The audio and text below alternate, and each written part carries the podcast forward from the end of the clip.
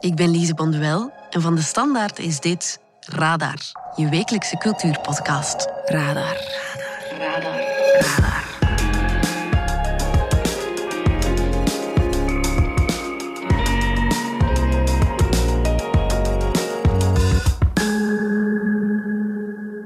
Voor de gelegenheid krijg je een bijzondere radar op het einde van deze week krokusvakantie.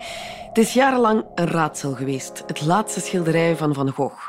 Dat er boomwortels op staan, dat wisten we. En dat hij ze geschilderd heeft vlak voordat hij zelfmoord pleegde ook.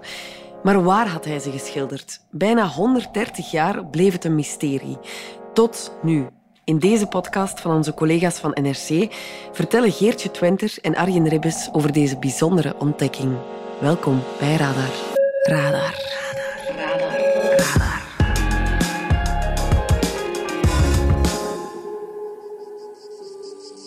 Samen met vrienden hebben we een vakantiehuis in Normandië. En uh, nou ja, op een gegeven moment uh, ga je rondritten maken om te kijken wat er in de omgeving te zien is. En een paar jaar geleden besloten we om naar Auvers-sur-Oise te gaan. Dat is een heel bijzonder kunstenaarsdorp. Uh, op 25 kilometer van Parijs vandaan. En dat is een schilderachtig dorp.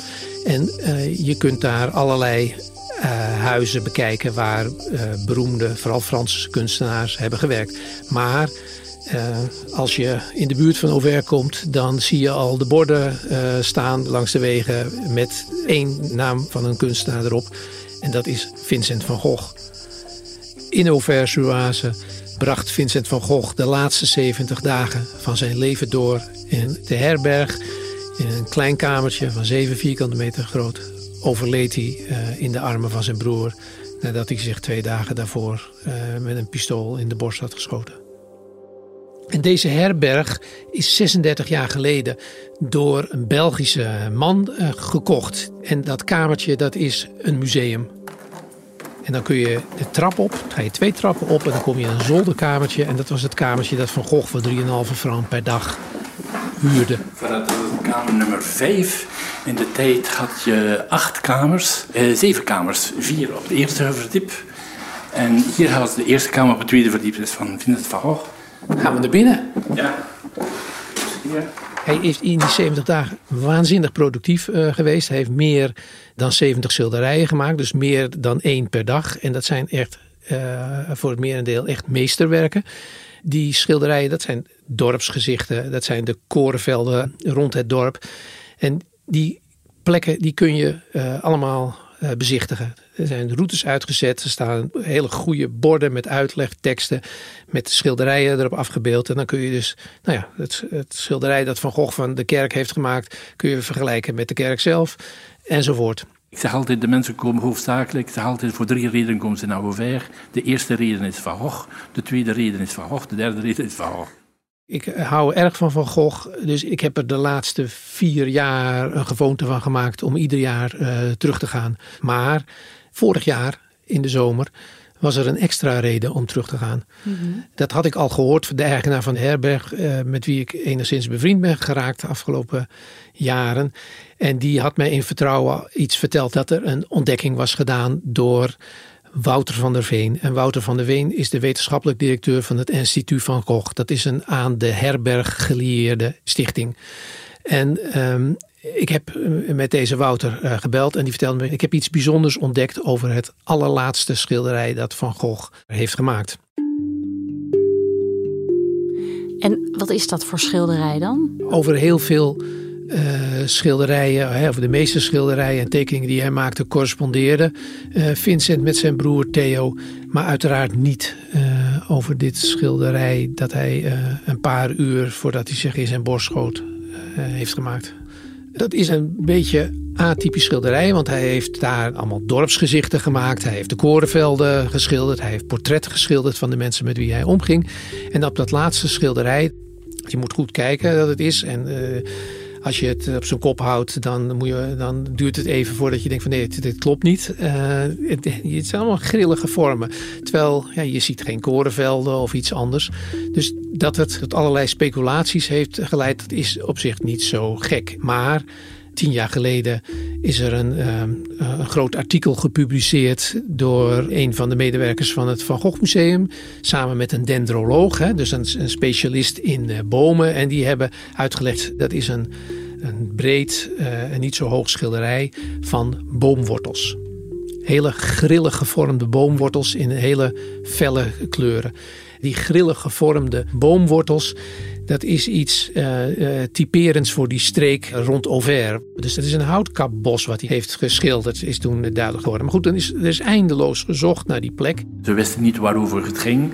En dan, 12, 13 jaar geleden, heeft het Van Museum gezegd... nee, het zijn boomwortels, maar ze bestaan niet meer of we hebben ze niet gevonden. Totdat Wouter van de Veen een ansichtkaart onder ogen kreeg. Het toeval wilde dat hij een verzameling ansichtkaarten had gekregen van een dorpsbewoner van Auvers, een oude dame. Die kaarten waren gedigitaliseerd en op zijn beeldscherm zat hij naar die kaarten te kijken.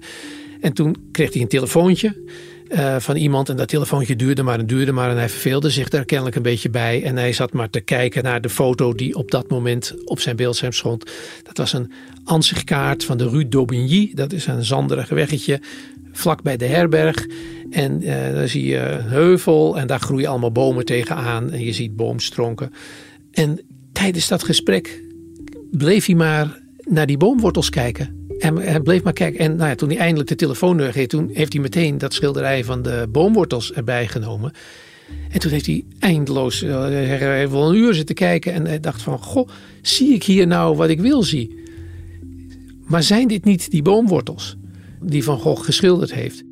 Dat was een bijzonder moment, een soort Eureka-moment omdat het een schilderij is dat vrij mysterieus is, waar al echt decennia lang over is nagedacht. Wat is dit in, in hemelsnaam? Tien dagen lang heeft hij daar studies van gemaakt. Hij heeft die boomwortels op die foto geprojecteerd. En, nou ja, en zo. Op een gegeven moment dacht hij, het zijn ze. Maar goed, hij voelde zich zeker genoeg van zijn zaak en hij heeft contact opgenomen met het Van Gogh Museum. Het is in de Van Gogh-wereld, om het maar zo te noemen, wat we heel vaak tegenkomen, ook bij Instituut Van Gogh, is dat mensen aankloppen met hele wilde ideeën. En dat gebeurt echt dagelijks. Dus ik twijfelde wel even voordat ik naar ze toe ging. Ik moest het wel heel hard maken. Want ja, voor je het weet uh, word je onder de vreemde mensen gerangschikt. En dat was niet mijn bedoeling.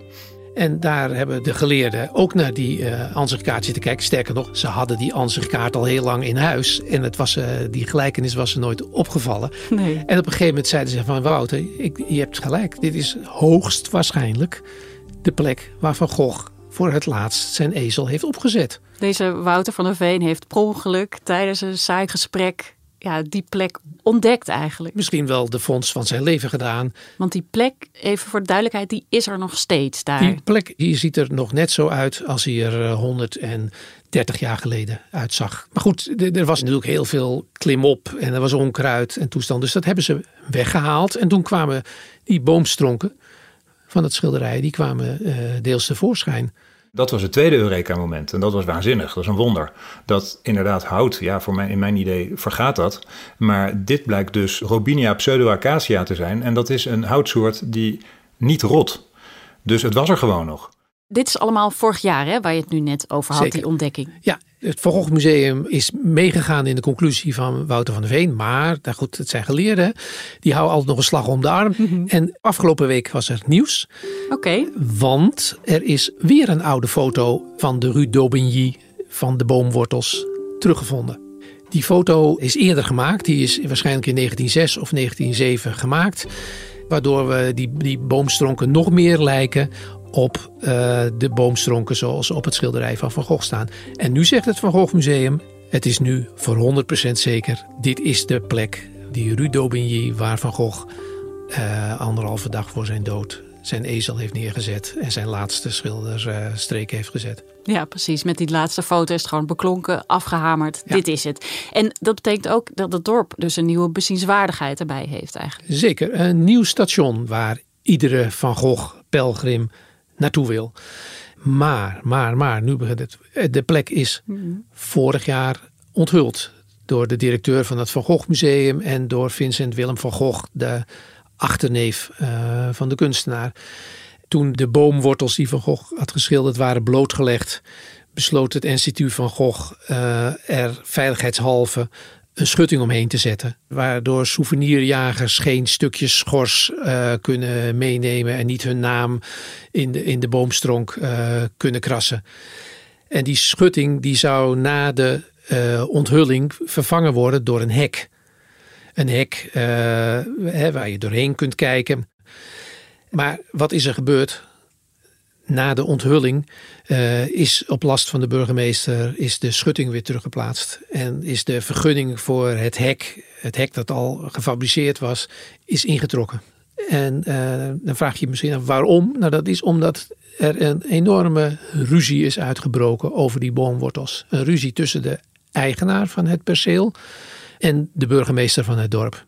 Well, we're pretty frustrated because uh, we see the tree roots from inside our land, our large yard, let's say, and we see people in front of the wooden fences without being able to see anything. And this has been during one year. Hoe kan dat dan? Want eerst zou dat hek er komen en toen leek alles in kannen en kruiken. Lange tenen. Lange tenen? Ja, dat heb ik van Wouter van der Veen uh, begrepen.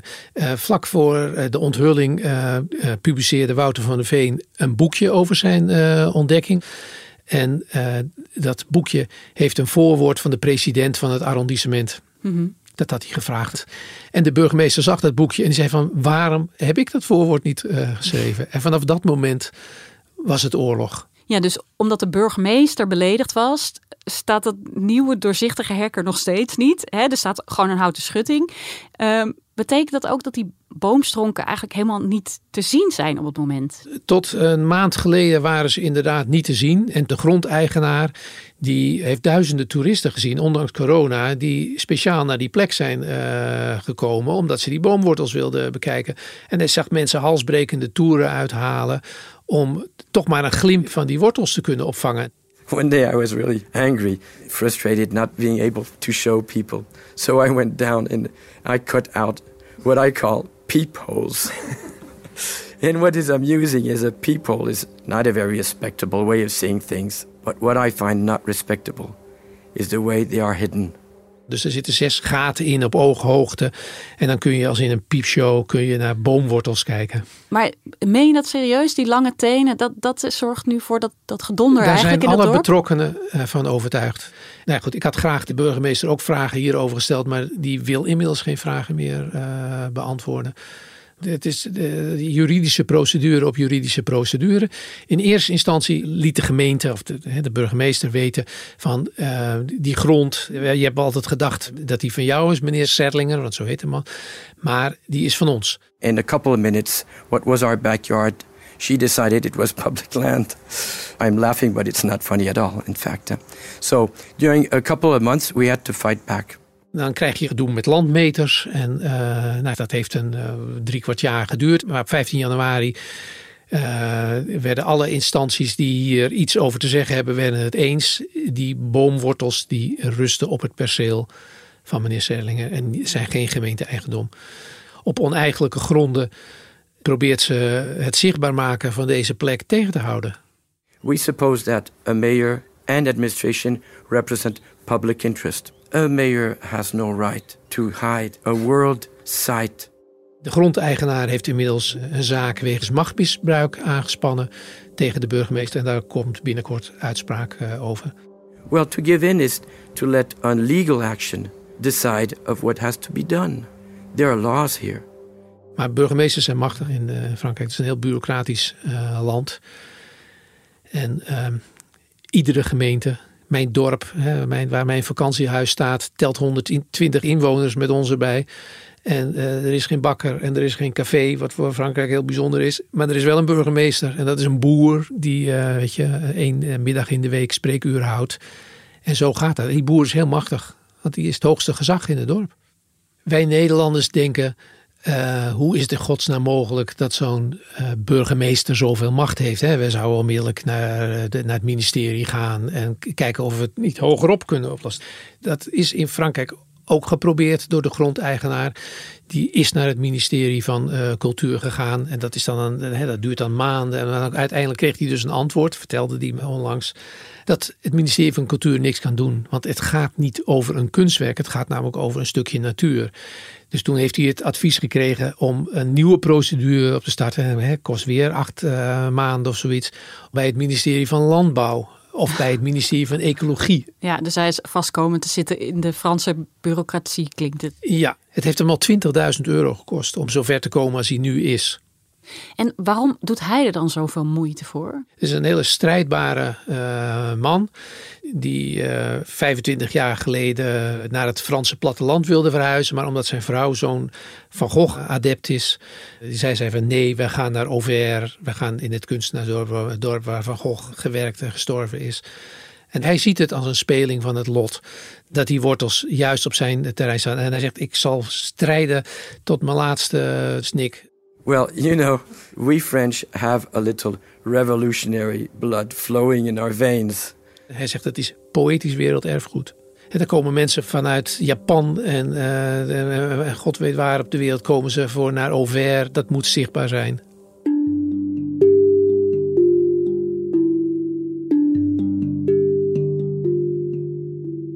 Ja, wat een toestand eigenlijk, Arjen, als ik dit zo hoor. Om een paar knoestige boomresten. Ja, precies. Nou ja, dat wou ik inderdaad vragen. Van waarom is het eigenlijk zo belangrijk, die boomstronken, om te weten waar ze stonden? Die boomstronken op zich zijn niet belangrijk. Maar hoe groot Van Gogh is, dat kun je aflezen aan hoe vaak dat nieuws over die ontdekking uh, van die boomwortels uh, de wereld is overgegaan. 6500 keer is dat nieuws uh, ergens gebracht in 34 talen. Ja, en je ziet ook wel, dat trekt zo ontzettend veel mensen. Dus ja, dat doet heel veel mensen gewoon iets, blijkbaar. Ik heb mensen zien huilen bij het graf. Ik heb mensen zien huilen in die herberg. Mhm. Sinds dat het tot een museum is gemaakt. Dat kamertje. Daar zijn, hebben anderhalf miljoen mensen in gestaan. En daar hebben Amerikaanse presidenten gestaan. Daar hebben tal van beroemdheden gestaan die nou ja, zich herkennen in Van Gogh. Ik ontvang de handwereld, mensen van alle niveaus de emotie dat we kunnen delen met die mensen die hier afkomen, die soms 10.000 kilometer doen, daar heb je geen idee van. En nu kunnen deze Van Gogh-pelgrims, die kunnen niet alleen naar dat kamertje waar hij gestorven is, maar ze kunnen nu dus ook naar de plek waar hij zijn laatste schilderij heeft gemaakt. Maar um, heeft die vondst verder ook nog betekenis? Zegt het iets over hem als, als kunstenaar? Ja, het maakt iets duidelijk over de betekenis van het schilderij. in het verleden is er het nodige gespeculeerd over dit schilderij.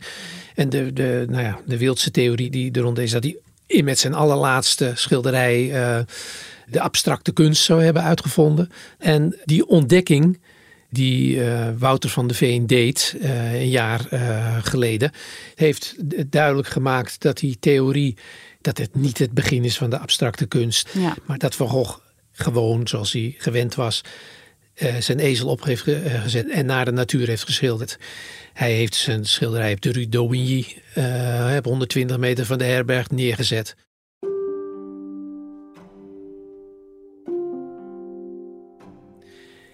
Wat ook belangrijk is aan dit schilderij, is het, eh, het motief van die boomwortels. Hè, dat hij nou uitgerekend dat als onderwerp voor zijn laatste schilderij heeft gekozen. En uh, hij heeft meer boomwort, eerder boomwortels uh, getekend. Acht jaar uh, voor zijn dood uh, heeft hij ook eens een, een hele dag voor een boomstronk gezeten. En hij heeft in zijn correspondentie met zijn broer heeft hij het ook vaak over boomwortels gehad. Mm -hmm. Dat ze voor hem de strijd op leven en dood symboliseerden. Zo heeft hij het letterlijk gezegd. Hij heeft bijvoorbeeld geschreven over de boomwortels die hij eerder tekende, dat ze als het ware krampachtig en hartstochtelijk vastwortelen in de aarde en toch half losgerukt zijn door de stormen. Mm. dus met andere woorden, ze verbeelden voor hem de strijd van leven op dood. En vlak voor zijn dood, uh, week voor zijn dood, uh, gebruikte Van Gogh die wortelbeeldspraak nog een keer aan, uh, in een brief aan zijn, aan zijn broer en zijn schoonzus.